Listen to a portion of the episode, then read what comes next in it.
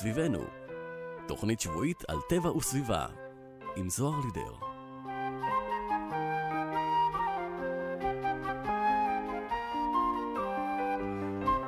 בוקר טוב לכולכם, אתן מצטרפות ומצטרפים אליי לעוד תוכנית של סביבנו, תוכנית שבועית על טבע וסביבה, כאן באזור שלנו וברדיו כל הגליל העליון, 105.3 FM.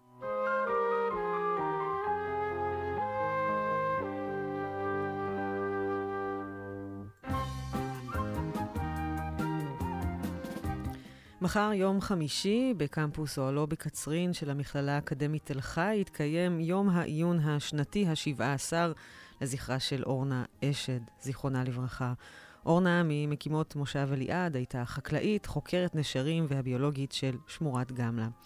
יעל חורש, חברה וקולגה של אורנה, מספרת, מאז שאורנה איננה, ניסינו למלא את האין בימי העיון לזכרה, לדבר ולספר, לשמוע ולהכיר את שלל הנושאים שעסקה בהם.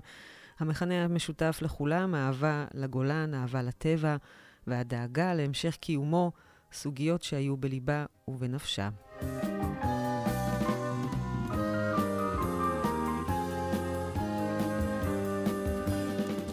את הכנס מפיקים המכללה האקדמית תל חי, מועצה אזורית גולן, מכון שמיר למחקר, רשות הטבע והגנים, רשות הכנרת ומשפחת אשד. יום העיון, שמתקיים זאת השנה ה-17, יתמקד השנה בנושא משבר האקלים. האם הכדור בידיים שלנו? ההרצאות יעסקו במשבר האקלים מבחינת מגוון ביולוגי, מערכות אקולוגיות משתנות, גידול מזון מקומי, מים, אנרגיה, שמירת טבע וכמובן נשרים. בסיום יום העיון, כמו בכל שנה, הדלקת נר חנוכה בשמורת גמלה, מקום עבודתה של אורנה, זיכרונה לברכה, שהיה יקר לליבה וגם הרבה מעבר למקום עבודה.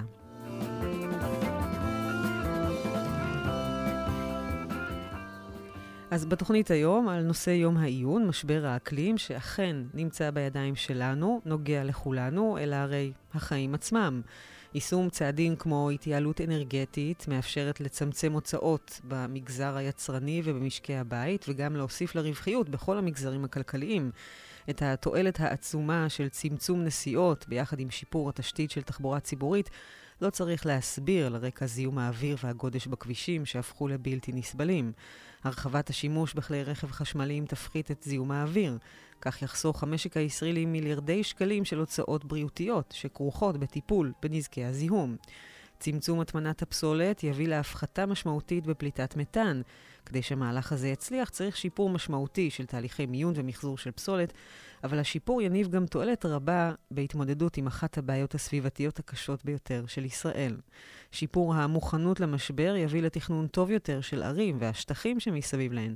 למשל, שמירת שטחים פתוחים תספק ריאות ירוקות ואתרי נופש ופנאי, וגם שטח שבו אפשר לקלוט מי שיטפונות ולמנוע הצפות שיכולות לגרום לנזקים כבדים לנפש ולרכוש ולהרוס תשתיות חיוניות. שימור עצים בסביבה העירונית ובנייה ירוקה יוצרת בידוד טרמי טוב, יאפשו להיערך לאירועי חום קיצוני וישפרו באופן כללי את איכות המגורים והשהייה בסביבה העירונית. הצעדים האלה מאפשרים הזדמנות לשינוי גדול וחשוב באיכות החיים של אזרחי ישראל ביום-יום. אמרנו קודם, החיים עצמם, לא? כמובן, גם ישפר את ההיערכות למשבר האקלים. היום הוא היום הקצר בשנה, מה שאומר מעט שעות אור והרבה הרבה חושך, תרתי משמע. א' ד' גורדון אמר, לא יהיה ניצחון של האור על החושך כל עוד לא נעמוד על האמת הפשוטה, שבמקום להילחם בחושך עלינו פשוט להגביר את האור. אז יש המון עבודה וצריך לפעול עכשיו. בואו נתחיל את התוכנית עם שירים שבאים לגרש את החושך.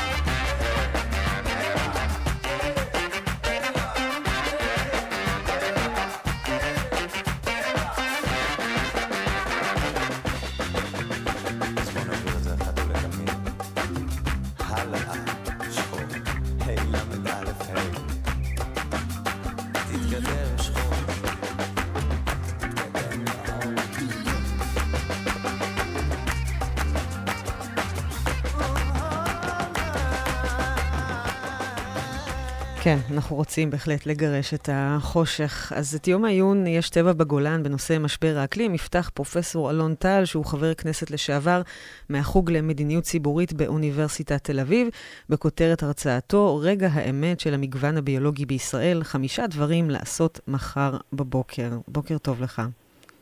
בוקר טוב לך ולכל המאזינים.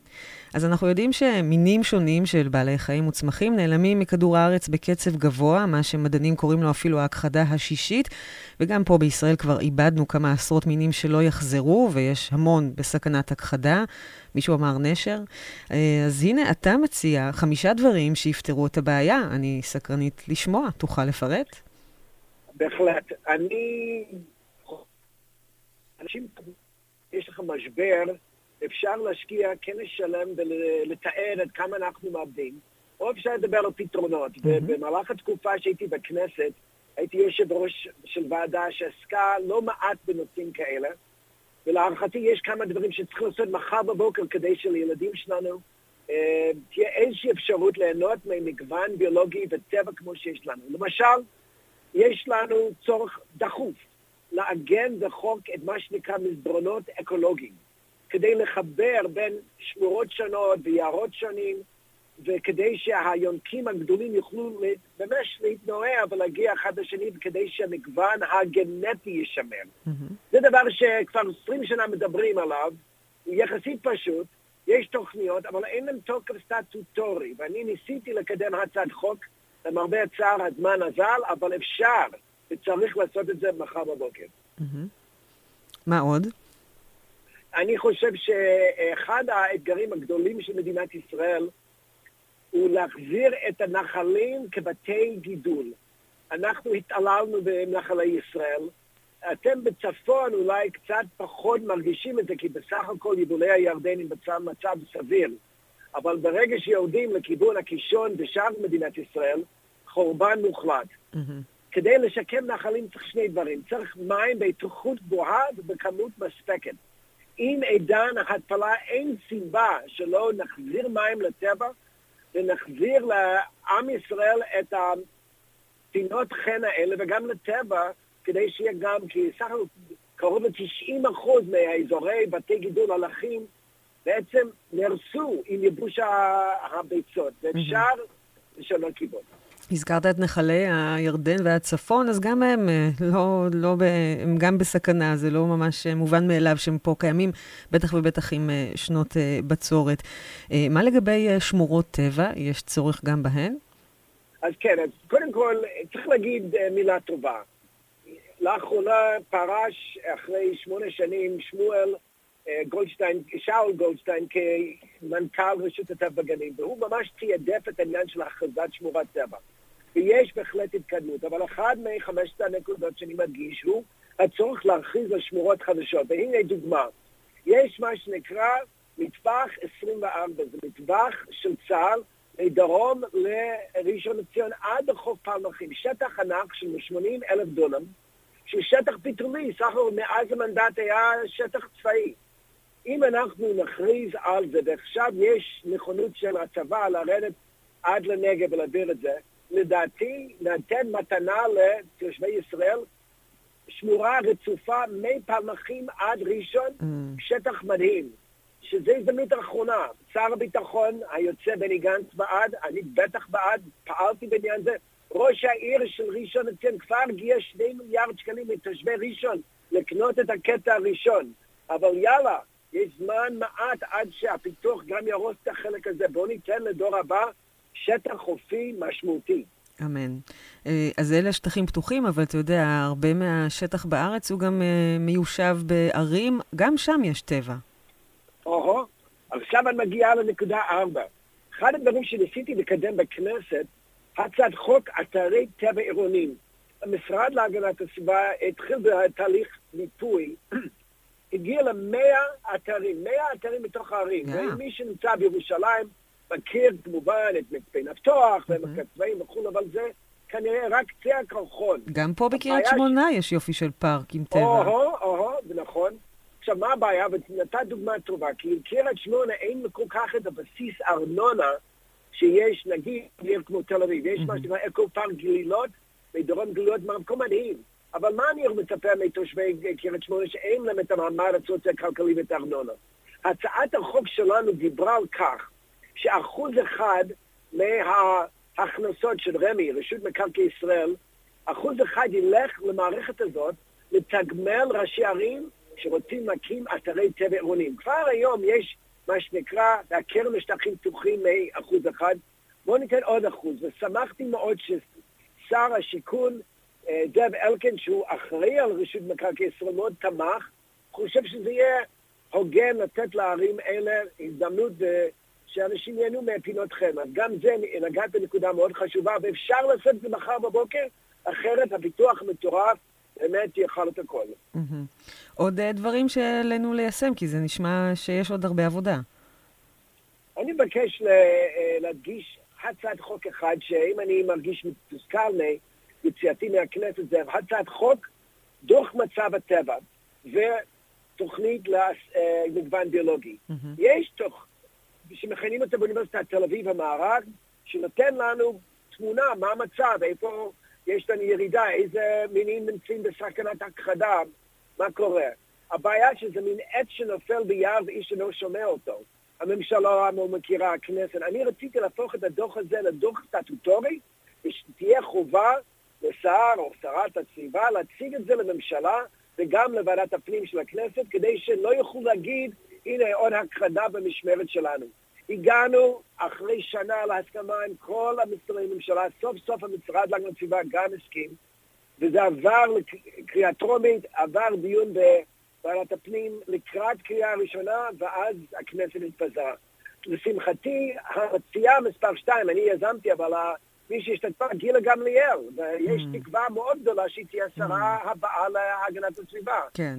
ולכן אני תקווה שזה יהפוך להיות הצעת חוק ממשלתית, ואנחנו נוכל לפחות לדעת איפה לשים את המשאבים ואיפה יש לנו משברים, כדי באמת לתת לטבע צ'אנס.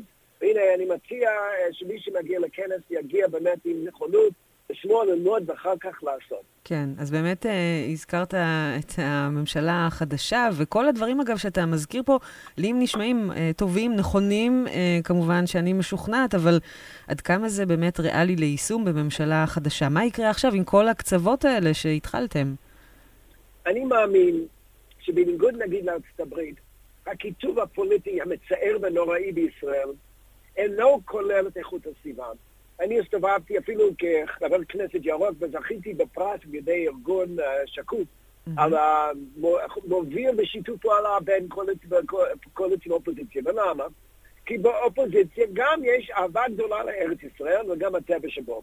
ואני סבור שאין סיבה שבעולם שממשלת ימין תהיה ממשלה אנטי-סביבתית. היא חייבת להיות פרו-סביבתית. ויש מספיק חברי כנסת מהימין, עמרי שרון וגלעד ארדן, בזמנו היה שר מצוין להגנת הסביבה. אין סיבה שאנחנו נצטרך אה, לקבל ביצועים סביבתיים ירודים בגלל הממשלה החדשה. יש לי ציפיות גבוהות, mm-hmm. ואם גילה גמליאל תתמנה לשרת הסביבה, אז בהחלט יש סיכוי שאנחנו, לפחות בתחום הזה, אני במפלגה אחרת, ברור שיש לי בעיות אחרות עם הממשלה, אבל בנושא הטבע אין סיבה שזה יהיה נושא פוליטי. כולנו צריכים לאהוב את הטבע ולשמור עליו. כן, כי בוא נדגיש שבאמת אה, שמירת הטבע או שמירה על מערכות אקולוגיות בריאות, בדיוק בדרכים שציינת שצריך לפעול, לשמור על המערכות האקולוגיות האלה, הם אה, עוזרים לנו באמת ומונעים את ההכחדה וההיעלמות של המינים. אבל אה, בוא נניח שאנחנו, ציפיות זה דבר חשוב, אבל בוא נניח שהם לא יעמדו בציפיות. לנו, אני חייבת לשאול, האם יש לנו אה, משהו שאנחנו בחברה האזרחית יכולים לעשות? בוא, בוא תפעיל אותנו. בהחלט. קודם כל, אני לא מכיר מאבק סביבתי אה, משמעותי, למשל, ניתן חיפה כדוגמה, שהתקדם בלי שהיה לחץ אמיתי מהחברה האזרחית. אין תחום, לדעתי, בכל החיים האזרחיים שלנו בישראל, שקיבל אה, חיזוק יותר מאזרחים שאכפת להם, עמותות וכולי. ולכן, אני קורא לכולם, אם יש לכם איזושהי בעיה סביבתית, תרימו את כולכם, תקימו עמותה, תצטרפו לחברה להגנת הטבע, לא אדם טבע דין. יש לבית משפט סמכויות מאוד נרחבות. אני למשל בעוד שבוע בבית משפט עליון על תובנה ייצוגית על זיהום נחל בוקק, דווקא זה בדרום, לא בגליל, אבל mm-hmm. אפשר, יש כלים משפטיים, ובעיקר להפעיל לחץ. מכיוון שזה לא שלא אכפת לשרי ממשלה ולח"כים מהסביבה, אבל יש להם uh, הרבה רעש רקע. אנחנו צריכים להבהיר להם שבנושא הטבע אנחנו ממש בדקה ה-90. שליש מהחולייתנים נמצאים בסכנת הכחדה, ואנחנו חייבים לעשות הכל, הכל כדי למלא את חובתנו לדור הבא. לא יכול להיות במשמרת שלנו שאנחנו נאבד חלק ניכר מהמגוון הביולוגי העשיר והמדהים של ארץ ישראל. נכון. שלא ייתכן. אז כן, הם צריכים להתחשב גם באינטרסים של הציבור, של התושבים, לא רק באינטרסים שהם אה, מכירים. אה, אז אה, הזכרת באמת אה, גם בשיחה, וגם אנחנו יודעים שבכהונה שלך בכנסת, בכמה קדנציות עסקת וקידמת נושאים סביבתיים, והיית חבר בשדולות סביבתיות, ובין השאר אה, יושב ראש ועדת המשנה לעניין השפעת הסביבה והאקלים על בריאות הציבור. והיית פעיל מאוד שם. אה, עכשיו, מחוץ לכנסת, מה התוכניות שלך? טוב, אומרים שהראשי תיבות חק"ל, חבר כנסת לשעבר, זה גם חבר כנסת לעתיד. אז קודם כל אני שומר קשר עין, אני מקווה שלחזור לזירה, אני יצאתי ועוד היה לי תיאבון לעשות הרבה יותר. יש גם ח"כים שקיימים עכשיו שהם פועלים, אני מציין את חברי הטוב אה, יוראי להב הרצנו מיש עתיד, היה שותף בכל דבר, אבל אני עדיין במסגרת המחנה הממלכתי שומר על קשר באמת רצוף. חברי אלון שוסטר, לשעבר שר החקלאות, הוא יהיה, ה, בוא נגיד, הירוק התורן בתוך המפלגה, יקדם מספר הצעות, כולל ההצעה על, על הדוח מצב הטבע, ואני חושב ש... אה, אני מקווה שאמשיך להשפיע, אם כי ברור שזה יהיה פחות אפקטיבי לעשות את זה מבחוץ, אבל אני לא מרים... זה נושאים חשובים מדי, ואני מציע לכל הציבור, תשמיעו את כולכם, כדי שנוכל להסתכל בעוד חמש, עשר שנים ולראות שהעשור הנוכחי יהיה עשור טוב לסביבה של מדינת ישראל. אכן, וכמו בהרצאתך, יש דברים שאפשר לעשות כבר מחר בבוא... היום, למה מחר? כבר עכשיו. אפשר לעשות uh, דברים ב, uh, לקדם את הנושא. פרופסור אלון טל, חבר הכנסת לשעבר, אולי גם לעתיד, מהחוג למדיניות ציבורית באוניברסיטת תל אביב, תודה רבה לך על השיחה, נתראה מחר. תודה רבה רבה על ההזדמנות להשמיע דברים. יום טוב. ביי.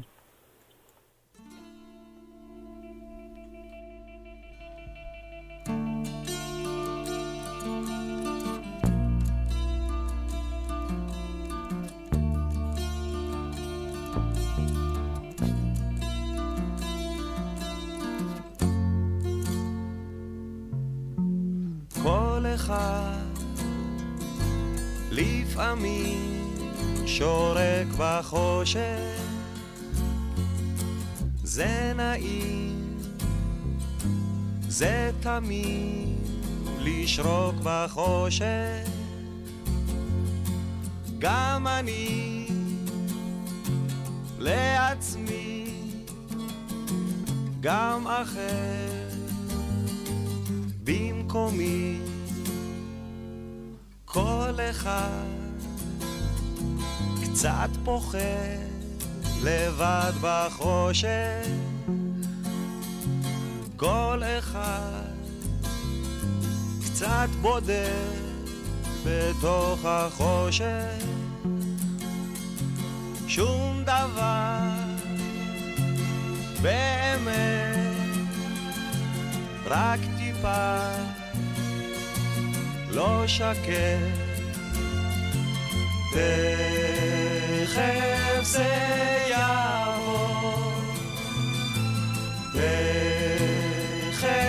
ידליקו אור.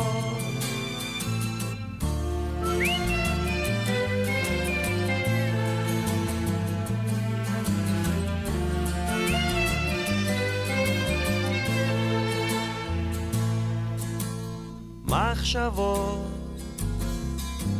לא טובות באות בחושך, לא מרפות, לא עוזבות אותך בחושך על רוחות ושדים ודברים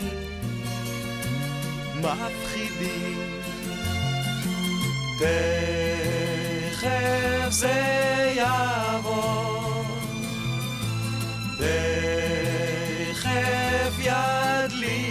ידליקו אור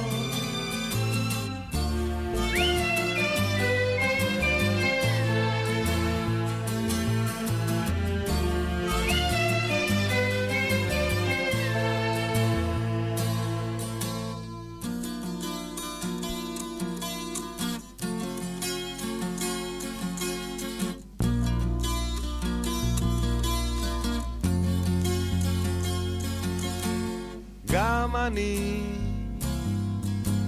לעצמי, גם אתה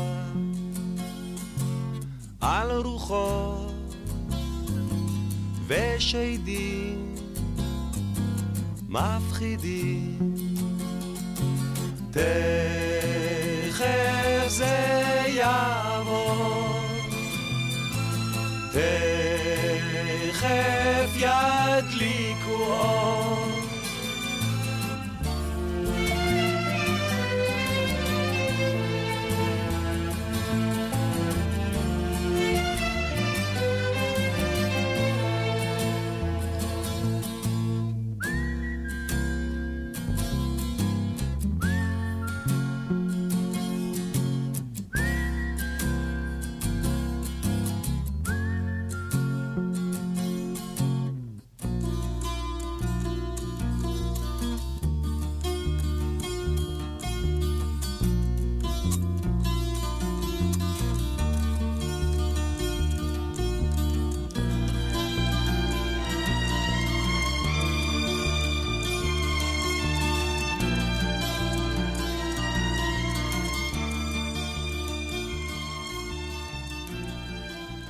אז כאמור, מחר יתקיים יום העיון ה-17 לזכרה של אורנה אשת, זיכרונה לברכה, שהייתה אוהבת טבע והביולוגית בשמורת גמלה. הנה חלק ממכתב פרידה שכתבה לחבריה בגמלה. שנים רבות של עבודה שוחקת עוד מחכה לכם, ואני יודעת שבמסירות נפש תמשיכו לשמור לנו ולדורות שאחרינו על הנשרים, הצבעים, היעלים, הקרקלים, העלונים, האלות והאפצים ועל שדות העשב הנצחיים של רמת הגולן, מפני יד האדם הכורתת, הקוטפת, השורפת והצדה. איתנו עכשיו ישראל אשד, שהוא בעלה של אורנה, זיכרונה לברכה, והוא מושבניק מאליעד, יועץ תיירות וניהל את תיירות הגולן. שנים רבות. בוקר טוב, ישראל. בוקר אור. אז אורנה עסקה בשמירת טבע. עד כמה היא דאגה באמת לעתיד הטבע, לשימור לדורות הבאים? זה, זה, היה, זה היה ייעוד שלה בחיים. היא, היא, עסקה זה, היא עסקה בזה בהרבה מאוד היבטים. היא הייתה חוקרת אה, אה, בנשמה שלה, וכל הזמן חיפשה מה אפשר לעשות ואיך אפשר להציב. אז אחד הנושאים החמים בשמירת טבע בגולן זה הקמת חוות טורבינות רוח ברחבי הגולן, שמצד אחד מדובר על אנרגיה ירוקה ולא מזהמת, אבל מצד שני מדובר גם על פגיעה בשטחים פתוחים ובעיקר בבעלי כנף, עופות ועטלפים שעלולים להיפגע במרחב, שלא לדבר על נשרים, שכבר הזכרנו. איפה זה עומד היום, מלבד הטורבינות שכבר עומדות? ו... אני חייב להגיד קודם כל שהתרומה האנרגטית, או תרומה למשק האנרגיה של המדינה של, של טורבינות רוח שנויה במחלוקת גדולה מאוד. Mm-hmm. ואני פה משתדל להתבטא בעדינות. האישור של חוות הרוח נעשה כולו בחטא, ואני לא רוצה להיכנס לזה, אבל זה פשוט אסון אקולוגי הדבר הזה. והוות"ל, הוועדה לתשתיות לאומיות, אישרה אותם, גם, זה שנגד היגיון זה ברור, ברור לרבים, אבל לדעתי גם נגד, נגד חוקי מדינה. והיום כבר אפשר לראות את הנזקים, וזה יהיה באמת אחד הדברים שנדבר עליהם גם ביום עיון, יש סיכומים ראשוניים בלבד של... של הניטור של הנזקים האלה. ואנחנו נדבר גם על זה, וזה חלק, חלק חשוב מהעניין. אז אני, יש- בקשר למה שקורה הלאה, זה עדיין אה, במלחמה עם אה, מוסדות התכנון ועם החברות שמקימות את האנרגיות, ולצערי גם עם אה, אה, תושבי היישובים בגולן אה, ששותפים לפשע הזה. אני מקווה שמה שהוקם אה, יהיה אנדרטה לעוול שנעשה לטבע ולא יקימו עוד, אה, אה, עוד מהמפלצות האלה. מהמם.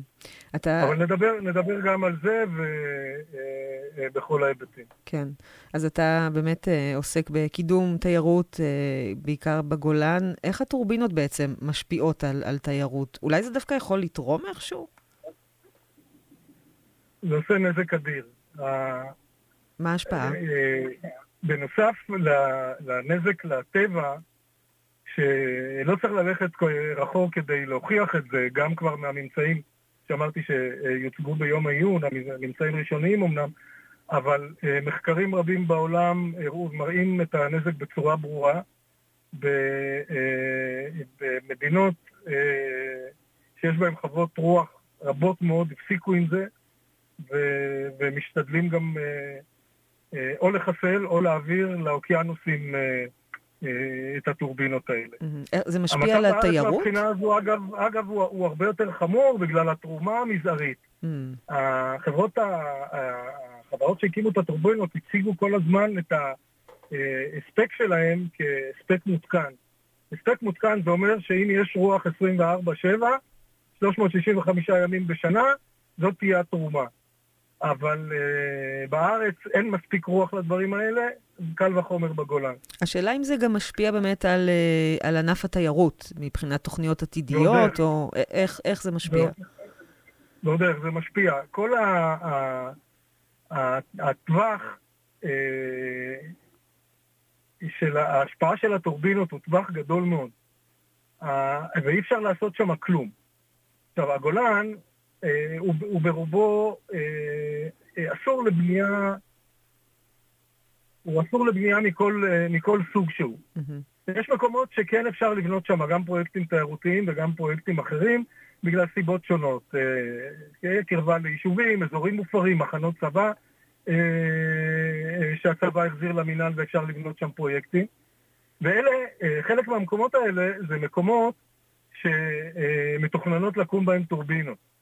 זה אומר שמקומות בודדים שעדיין אפשריים אה, לפיתוח במספר מקומות, אי אפשר יהיה לעשות שם כלום בגלל ההשפעה של הטורבינות. מהמם. זו דוגמה אחת. יש עוד דוגמה אה, אה, מאוד קשה אה, של מקום שנקרא אה, חירבת פראג'. חירבת פראג' זה יישוב שהיה יישוב בתקופת התלמוד מעורב אה, ביזנטי יהודי, עם אה, יותר מ-20 מבנים מרהיבים ביופיים שלמים, שרשות העתיקות הסכימה להעמיד לטובת, סליחה, לטובת הקמה של פרויקט תיירותי. וזה אתר שבקנה מידה של מה שיש שם, ראוי להיות אה, אתר מורשת עולמית. מהמם. עכשיו, במקום שיהיה שם אה, אתר מורשת עולמי עם פרויקט תיירותי אה, יוצא דופן מהרבה בחינות, אה, יש טורבינות לידו. ואי אפשר לעשות שם כלום.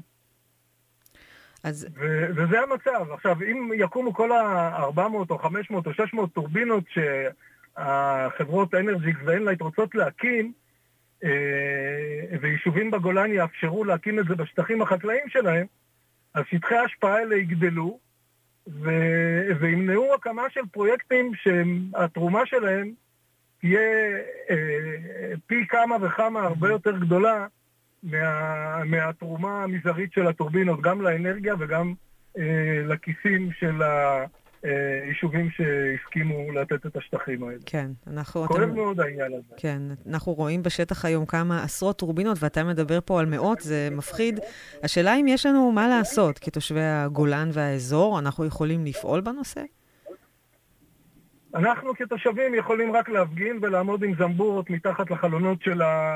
של מקבלי ההחלטות, אבל uh, אנחנו נחנחים, אז אנחנו לא עושים את זה. Uh, מי שכן יכול להשפיע uh, זה המועצה האזורית, ו... ואני יודע שראש המועצה מנסה, ואני מקווה שגם יצליח לעצור, אה, אה, לעצור את הזו. ראש המועצה התנגד בוועדה, אה, בוות"לים, ואני מקווה שהוא יעמוד על שלו וימנע את המשך ההקמה של המפלצות האלה. טוב, אז אנחנו נבוא באמת אה, מחר להרצאה כדי לשמוע באמת על uh, מסקנות ראשוניות uh, לגבי ניטור טורבינות הרוח. זה בהחלט תואם את המורשת של אורנה לשמירת טבע. ומפה אני רוצה באמת לחזק אתכם, מארגני יום, יום העיון על המסורת, באמת לקיים אותו מדי שנה, פה אצלנו, במקום שבו נדרשת שמירת טבע במיטבה. ישראל אשד, אה, בעלה של אורנה, זיכרונה לברכה, ומושבניק מאליעד, יועץ תיירות, תודה רבה על השיחה. להתראות מחר. תודה, תודה, תודה רבה לך, ועוד מילה אחת, יום העיון יהיה מרתק, יהיו שם אה, מרצים אה, בנושאים שונים של, של משבר האקלים. יש מרצה גם שנוי במחלוקת שהזמנו אותו וזה עושה קצת רעש, ואנחנו די שמחים על הרעש, למרות שאפשר להסכים איתו, אפשר לא להסכים איתו. הולך להיות מאוד מעניין. בהחלט. ועדיין אפשר לה, אה, להירשם ולהגיע. נהדר. אז נתראה מחר. תודה. תודה לך. להתראות.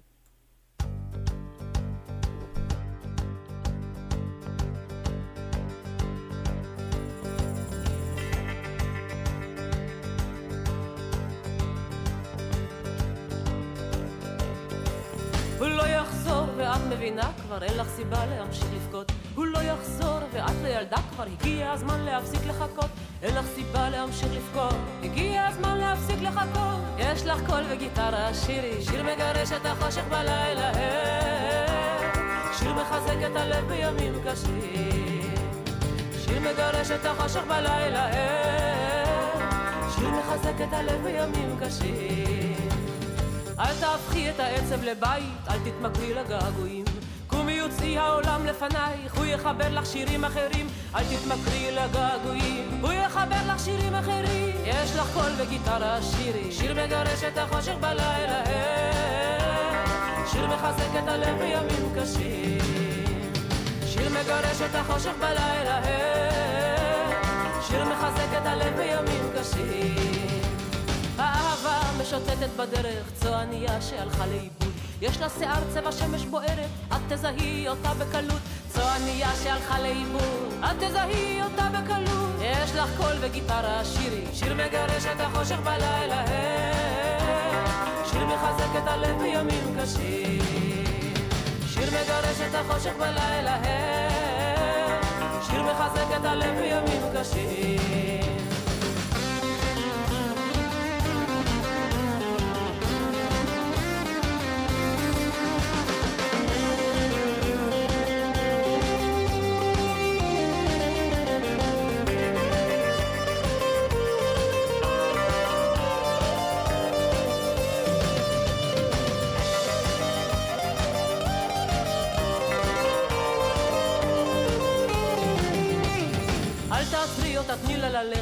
אחריה לאן שתלך, לכי אחריה, לכי אחריה, היא תעקוף מכשולים בשבילך, לכי אחריה לאן שתלך, היא תעקוף מכשולים בשבילך, יש לך קול וגיטרה שירי, שיר מגרש את החושך בלילה, שיר מחזק את הלב בימים קשים, שיר מגרש את החושך בלילה, שיר מחזק את הלב בימים קשים.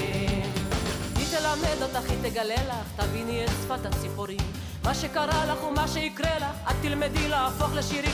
תביני את שפת הציפורים, את תלמדי להפוך לשירים. יש לך קול וגיטרה, שירי, שיר מגרש את החושך בלילה, שיר מחזק את הלב בימים קשים. שיר מגרש את החושך בלילה, שיר מחזק את הלב בימים קשים. שיר מגרש את החושך בלילה, שיר מחזק את הלב בימים קשים. שיר מגרש את החושך בלילה, שיר מחזק את הלב בימים קשים. שיר מגרש את החושך בלילה, שיר מחזק את הלב בימים קשים.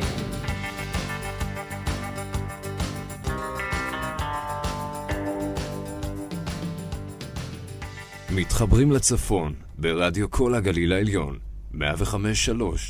תגיד, איך הולך בנחל? האמת, ג'יפה. גם לכם נמאס לדלג בניירות טואלט ופסולת כשאתם יורדים לנחל? בפעם הבאה שמבלים בזולה, אוספים את נייר הטואלט והפסולת ומשאירים נחל נקי. מוגש מטעם שומרי הנחל.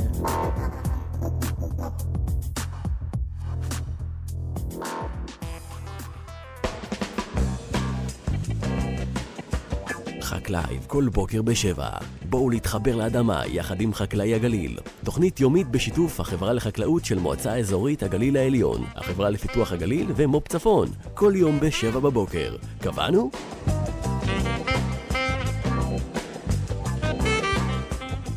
מאה וחמש שלוש רדיו, כל הגליל העליון. אז לכל מי שמצטרפת ולכל מי שמצטרף, אתם מאזינים לתוכנית סביבנו, אני זוהר לידר, והיום אנחנו מדברים לקראת יום העיון, יש טבע בגולן, בנושא משבר האקלים, שיתקיים מחר, יום חמישי, בקמפוס קצרין, אוהלו של מכללת תל חי. ואגב, משבר האקלים, הנה דברים שכותב אביב לביא בזמן ישראל לפני שבועיים.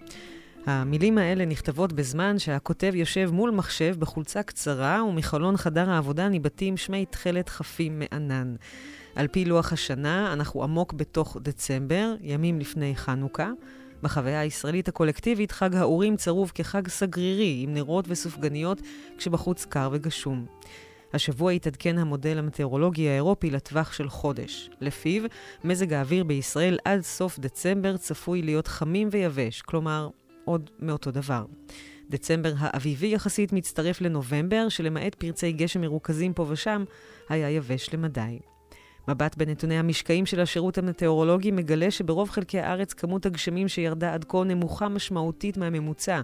בתחנות המדידה של חיפה רשמו עד כה רק 60% מהממוצע הרב-שנתי, וכך גם ברוב תחנות הגליל. רמת הגולן רשמה נתון של כ-70% מהממוצע, תל אביב רשמה נתון של 44% מהממוצע. האזורים שבהם ירדה עד כה מכסת גשמים נאה הם ראשון לציון, בדומה לממוצע הרב-שנתי, והחלק הצפון-מערבי של הנגב, אשקלון, נגבה וקריית גת.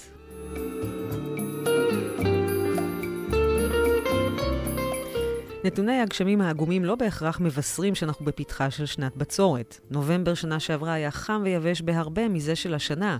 הימים החמים גם סיפקו קר פורה לשרפות. ובכל זאת, כזכור, בהמשך החורף נפתחו ארובות השמיים והיו כמה שבועות קרים במיוחד. בסיכום השנתי התברר שזו הייתה שנת גשמים ראויה בהחלט, שהשלימה רצף של שלוש שנים פוריות למדי מבחינת נתוני הגשמים. לכן המסקנה ממיעוט הגשמים לא נוגעת לסך המשקעים שירדו או לא ירדו בהמשך החורף, אלא ללוח הזמנים של החורפים. נראה שבשנים האחרונות הם מתחילים יותר ויותר מאוחר. נובמבר סופח כמעט רשמית לקיץ, ודצמבר זוחל בעקבותיו. זה לא, רק, זה לא רק תחושה, לוקח לחורף יותר זמן להתניע, אומר דוקטור אמיר גבעתי, מומחה לאקלים מהחוג למדעי הסביבה באוניברסיטת תל אביב והמנהל המדעי של חברת ניהול משאבי סביבה. כבר כמה שנים שבנובמבר יש פחות גשמים ויותר חם. ככל שהגלובוס מתחמם, זה מקשה על הסירקולציה של האוויר הקר. הכתבים בעונה הזו עדיין חמים יחסית, כשהקוטב יותר חם, לאוויר הקר קשה להתפשט דרומה, והוא נתקע בצפון אירופה. אז האירופאים הולכים לקפוא בדצמבר, שזה לא טוב מבחינת המלחמה והמאבק בפוטין, אבל האוויר שמגיע לישראל חם יותר.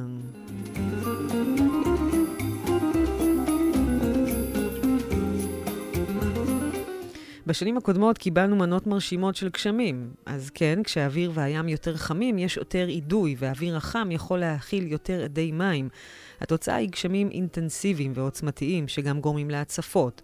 אז בסוף העונה פקיד האקלים יגיד, קיבלתי בגוש דן את הכמות הממוצעת, אבל הכמות הזאת מתפזרת באופן אחר, במכות עוצמתיות וקצרות.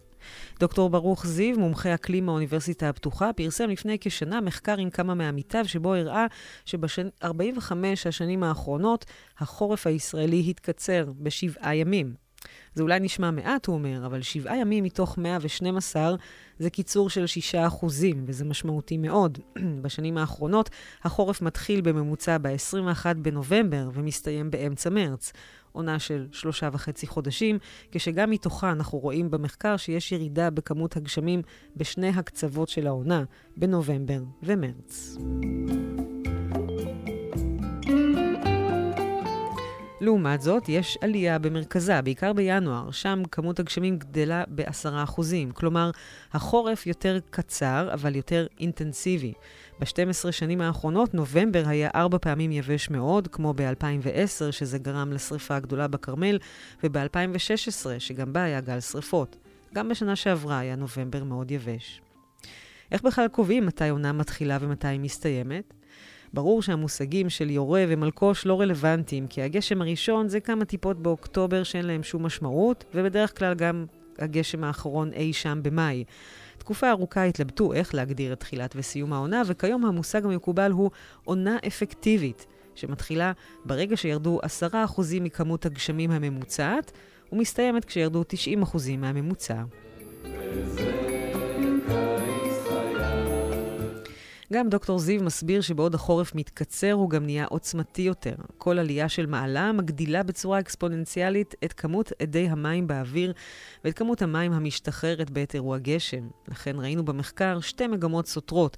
פחות ימי גשם בכל הארץ, ועלייה בעוצמת הגשמים היומית. זה אומר כמובן שיש יותר סכנה לשיטפונות.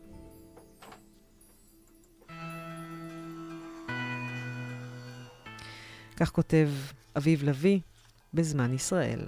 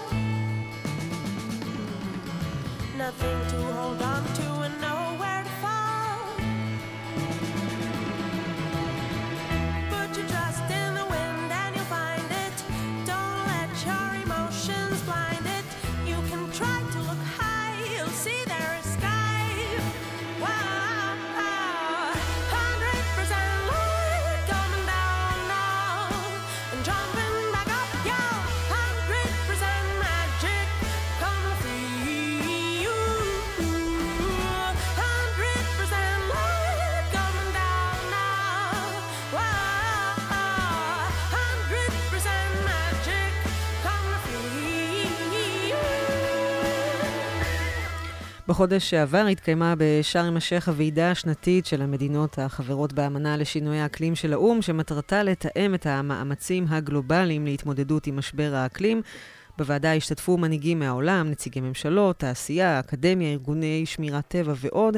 בין החוקרים במשלחת הישראלית השתתף גם פרופסור דן מלקינסון ממכון שמיר למחקר, החוג לגיאוגרפיה ולימודי סביבה באוניברסיטת חיפה, שידבר מחר ביום העיון על המרחב העירוני ומגוון המינים, סיכונים והזדמנויות בעולם משתנה. בוקר טוב לך. בוקר טוב לכולם. אז אפשר להגדיר מרחב עירוני בעצם אולי כהפך הגמור ממרחב טבעי, הרי נעשו בו כל כך הרבה שינויים, אז איזה מערכת אקולוגית בעצם נשארה שם? אה, נכון, את צודקת לגמרי. המרחב העירוני הוא למעשה הביטוי האולטימטיבי של שינוי המערכות הטבעיות למערכות אה, מלאכותיות, ובכל זאת במקומות רבים בעולם אנחנו מוצאים כי מגוון המינים בשטחים העירוניים כמעט ואינו נופל ממגוון המינים שנמצא מחוץ לשטחים העירוניים. ולמעשה כשאנחנו מתכללים ומביאים בחשבון גם את המינים שנמצאים במרחב הזה בגלל פעילויות כמו גינון וחקלאות, למעשה מגוון המינים אפילו גבוה יותר. Mm, אוקיי. Okay. אתה יכול לתת לנו דוגמאות? איזה, איזה מגוון ביולוגי יש שם? אולי זה רק מינים נגיד מתפרצים או קרובי אדם? האמת אה, שזה לא רק המינים האלה. אה, יש לנו אה, למשל במחקרים שערכנו בחיפה, אז המר... חלק ניכר מהמינים שאנחנו מוצאים בשמורת הכרמל או בגן הלאומי כרמל, אנחנו מוצאים גם בתוך העיר חיפה. אני לא אכנס למנגנון האקולוגי שהוא קצת יותר מורכב להסביר למה אנחנו לא מוצאים את כל המינים, אבל זה קשור להיבט של גודל המרחב הזמין בעיר. אז זה לא רק מינים מתפרצים שאנחנו מוצאים במרחב העירוני, אבל אנחנו כן יודעים להגיד שהעיר גם משמשת כפילטר, או לא מאפשרת לחלק המיני, מהמינים להיכנס לעיר, כמו למשל, אנחנו לא רואים צבעים בתוך העיר. Mm-hmm. אם היו נמרים בארץ, דווקא נמרים כן נכנסו למקומות יישוב. כן. אבל באופן עקרוני אפשר להגיד שיש מינים שהם חששניים יותר ולא נכנסים למרחב העירוני, זה בגדר בעלי חיים. אה, ויש כאלה שהם מרגישים יותר בנוח בסביבת האדם. אז הזכרת קודם כמה מהתנאים שאולי אה, מעודדים את המינים האלה, אבל יש גם בטח אה, תנאים בעיר ש... אולי קצת מפריעים, כי אנחנו רגילים אה, בקונוטציה הראשונה לזהות עיר עם אה, זיהום אוויר ועם רעש ועם מרחב מצומצם ואולי אשפה ש... אז איזה תנאים בעצם אה, מפריעים ואיזה תנאים בעצם מעודדים אותם? אה, אני חושב שזה בדיוק כמו אצל בני אדם, רעש וזיהום אוויר והשפעה, זה לא נעים לנו, אבל מצד שני יש לנו מקורות מזון נגישים, ויש לנו מים שהם נגישים כל השנה. אז אם אה, מחוץ אה, במרחבים הטבעיים בסוף עונת הקיץ ובמהלך עונת הסתיו. אין מים כמעט זמינים למעט בכמה מעיינות ששופעים, אז בתוך העיר פתאום יש לנו מים כל השנה, רק צריך לנקב את הצינור השקייה של הגינה הציבורית, ויש לנו מים, ויש לנו דשא מושקה, ומתחת לדשא יש חרקים ופרוקי רגליים שאפשר לאכול. אז זה מאוד אטרקטיבי למינים מסוימים של בעלי חיים. אז בעצם מדוע חשוב לשמור על המערכות האקולוגיות העירוניות האלה, חוץ מאולי באמת אה, הזכות אה, של אותם אה, מינים לחיות ולהתקיים, איזה עוד תועלות אנחנו מקבלים מזה כתושבי העיר? אז קודם כל, אנחנו בתור תושבי העיר, אנחנו לא זוכים לצאת כל יום מהעיר אל הטבע ולחוות אותו. אז אנחנו מקבלים טבע בזעיר אנפין בעיר. זאת תועלת אחת. תועלת נוספת שמאוד חשובה לתכנון אה, עירוני בממדים רחבים יותר, זה למשל תופעה של הצפות. Mm-hmm. ככל שאנחנו בונים יותר, השטח האטום, אחוז השטח האטום במרחב העירוני הולך וגדל, ומהגשם שיורדים לא יכולים לחלחל או לחדור לתוך הקרקע, וכתוצאה מכך אה, נוצרות לנו הצפות מקומיות במרחב העירוני, אפילו גובות אה, מחיר של חיי אדם. אה, אם נשכיל לשלב יותר שטחים פתוחים, ותחום נוסף שאני נוגע בו זה להפוך את הגגות שלנו לגגות ירוקים, כלומר, על הגגות לייצר מרחבים ירוקים, אז הספירות שיהיו לנו אירועי הצפות מהסוג הזה ילכו ויקטנו. זו תועלת אחת. תועלת אחרת, שהיא לא פחות חשובה, זה התמודדות עם תופעה שנקראת אי, חום העירוני. Mm-hmm. הרבה מאוד מדידות שהתבצעו ומחקרים הצביעו על כך שבתוך המרחב העירוני הטמפרטורה גבוהה ב-2 עד 3 מעלות מהמרחב שמחוץ לעיר. בגלל שאנחנו משתמשים במכשירי חשמל ומכוניות וכולי וכולי. אה, אז מלכתחילה האדם שנמצא בתוך העיר לפחות באזור, באקלים החם שלנו בארץ, נמצא בעמדה נחותה, כי כבר חם לו יותר בשתיים או שלוש מעלות. Mm-hmm.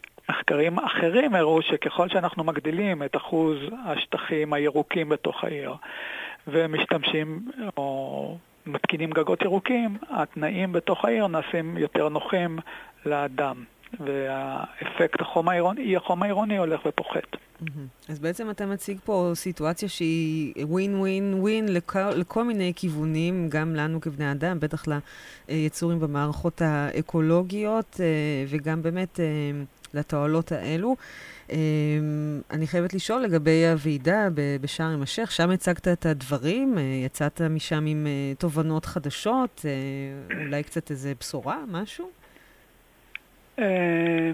מה שלמדתי בוועידת שארם זה שהרבה מאוד מההחלטות שמתקבלות הן החלטות שמתקבלות בדרג המדיני, פוליטי, ולא בהכרח על סמך הידע המדעי שנצבר. אם היו mm-hmm. שם, אני לא יודע, משהו בסדר גודל של 20 או 30 אלף משתתפים, המספר של המדענים שהיה שם היה מאוד מצומצם, והתחושה האישית שלי הייתה שהיכולת שלנו כמדענים להשפיע על קבלת המדיניות לא הייתה כל כך גדולה, וזה היה קצת מאכזב, אבל יכול להיות שהרושם שלי הוא מוטעה ואני לא טועה.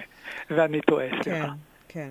Uh, טוב, נקווה בכל זאת, כי גם אם uh, ללא קשר באמת לוועידה, כמו שהסברת, על החשיבות של אותן uh, מערכות אקולוגיות עירוניות, זה באמת uh, שיפור התנאים בחיי העיר של כולנו. אמרנו קודם, החיים עצמם ביומיום שלנו. Uh, פרופסור דן מלקינסון, מכון שמיר למחקר מהחוג לגיאוגרפיה ולימודי סביבה באוניברסיטת חיפה, תודה רבה לך, אנחנו נשתמע מחר ביום העיון. תודה. תודה לכם וחג שמח. חג שמח.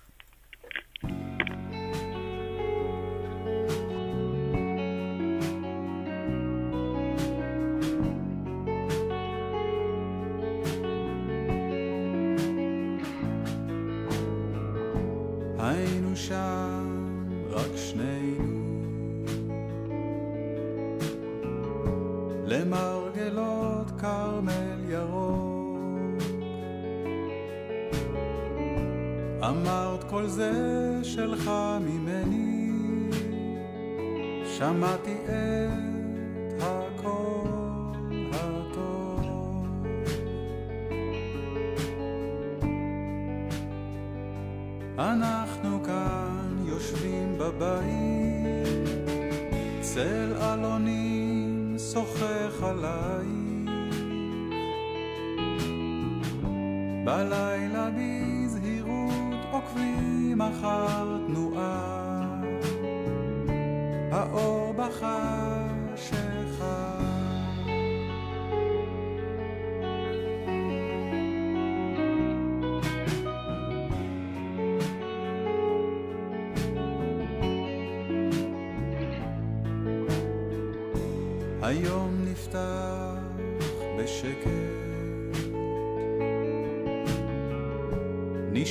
Oh.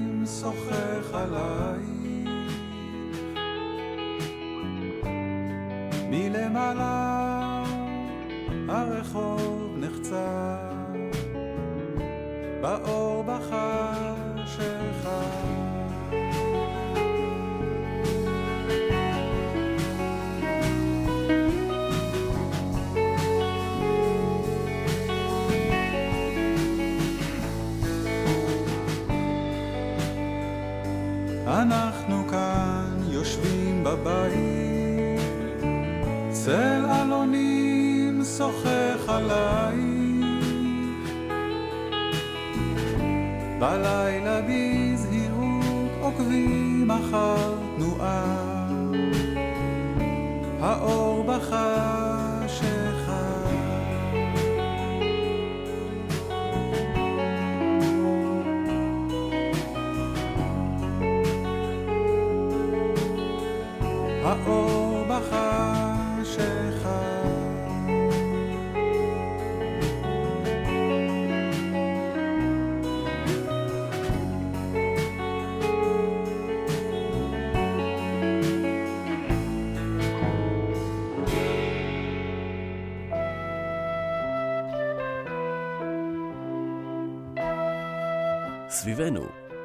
תוכנית שבועית על טבע וסביבה, עם זוהר לידר. השיר האופטימי על קץ העולם, מאת אווה קילפי. באחד הבקרים נאור כדור הארץ וניער את האנשים מכתפיו, כאילו היו טפילים. היה לו די והותר מהם, ובכללם ממתקני העולם. הם התעופפו לחלל כמו קינים או כוכבים. כמה פוליטיקאים זכוכי דת הרג הכדור במות ציפורניו, לבורגנים אחדים הוא הכניס בעיטה בישבן, ובכמה רדיקלים רעשנים הוא נשף באוויר כמו היו נוצה. וכאשר הוא שוב היה, אחרי זמן רב מאוד, משוחרר מאותן צרעות, הוא נשם עמוק, נשכב לנוח, והחל מנץ פרחים מכל חריץ וסדק. שיר אופטימי לכדור הארץ ואכזרי לבני האדם המאכלסים אותו מאת המשוררת הפינית אווה קילפי. קילפי כתבה בהומ... בהומור על האסון המאיים על קיומה של האנושות, ממנו אנחנו מתעלמים בנחישות כשהיא לועגת להבדלים החברתיים, התרבותיים והפוליטיים בין התנועות השונות העוסקות במשבר האקולוגי, מתוך חשיבות עצמית ותפיסת עולם אנוכית. זה כמובן הומור שחור במיוחד, כשהאמפתיה של המשוררת לעולם, ול... לעולם ולטבע מרככת אותו מאוד.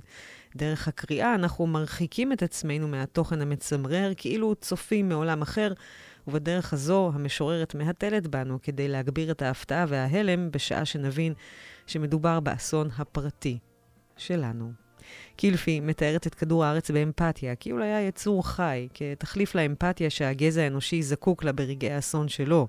גם כדור הארץ אינו מתרגש מן ההרס המתחולל עליו, אלא מן הטיפשות האנושית שגרמה לו. פשוט נמאס לו, היה לו די והותר מהם.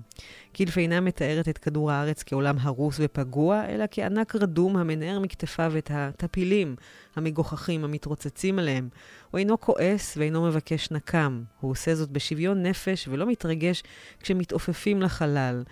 השיר מסתיים באופטימיות כאשר משתחרר כדור הארץ מאותן צרעות, כלומר מאיתנו, והוא החל מנץ פרחים מכל חריץ וסדק. האסון האקולוגי אינו מאיים כלל על כדור הארץ, אלא אך ורק על המשך קיומם של בני אדם עצמם. כדור הארץ יודע לתקן את הקלקולים ולהמשיך את המחזוריות הנפלאה והיפיפייה של הטבע כשהוא מנץ פרחים מכל חריץ וסדק.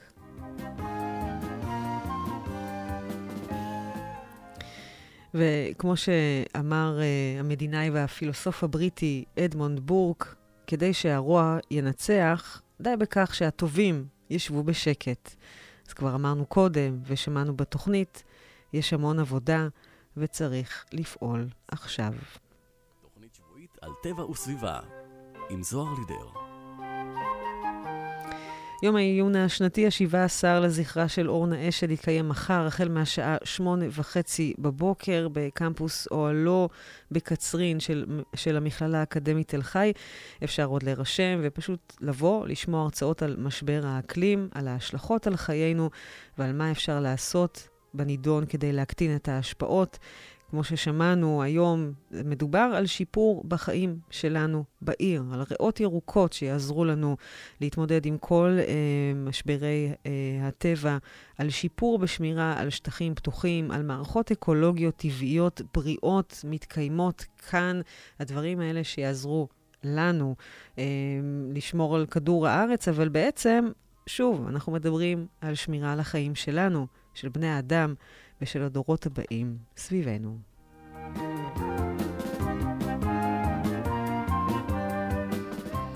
אני זוהר לידר, נפרדת מכם ומעוד תוכנית של סביבנו עד לשבוע הבא, רביעי בעשר, כאן ברדיו כל הגליל העליון. את התוכנית הזאת ואת הקודמות אפשר לשמוע ב Mixcloud ואפילו בספוטיפיי.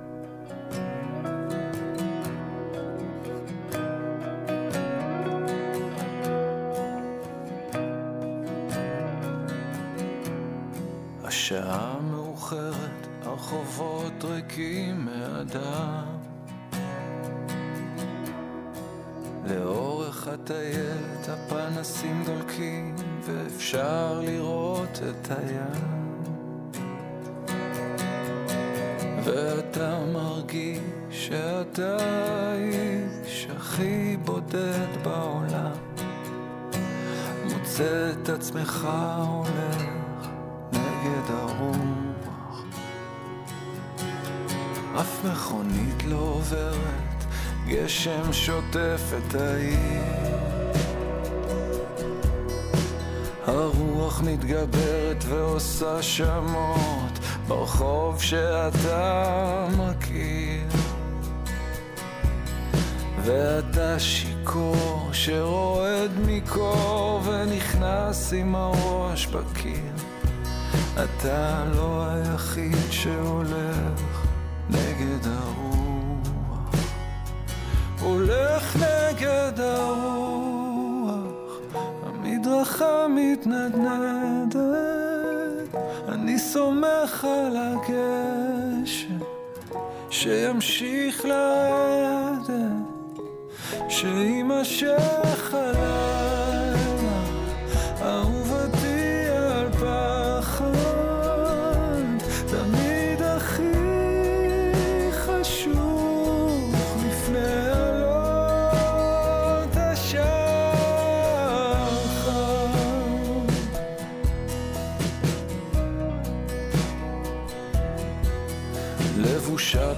היא הופיעה מתוך החושך.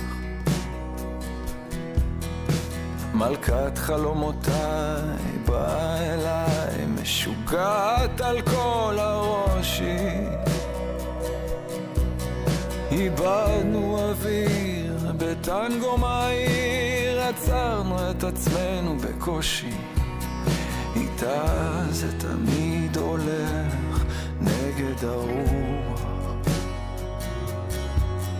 ואני לא יודע אם היא אמת או חלום.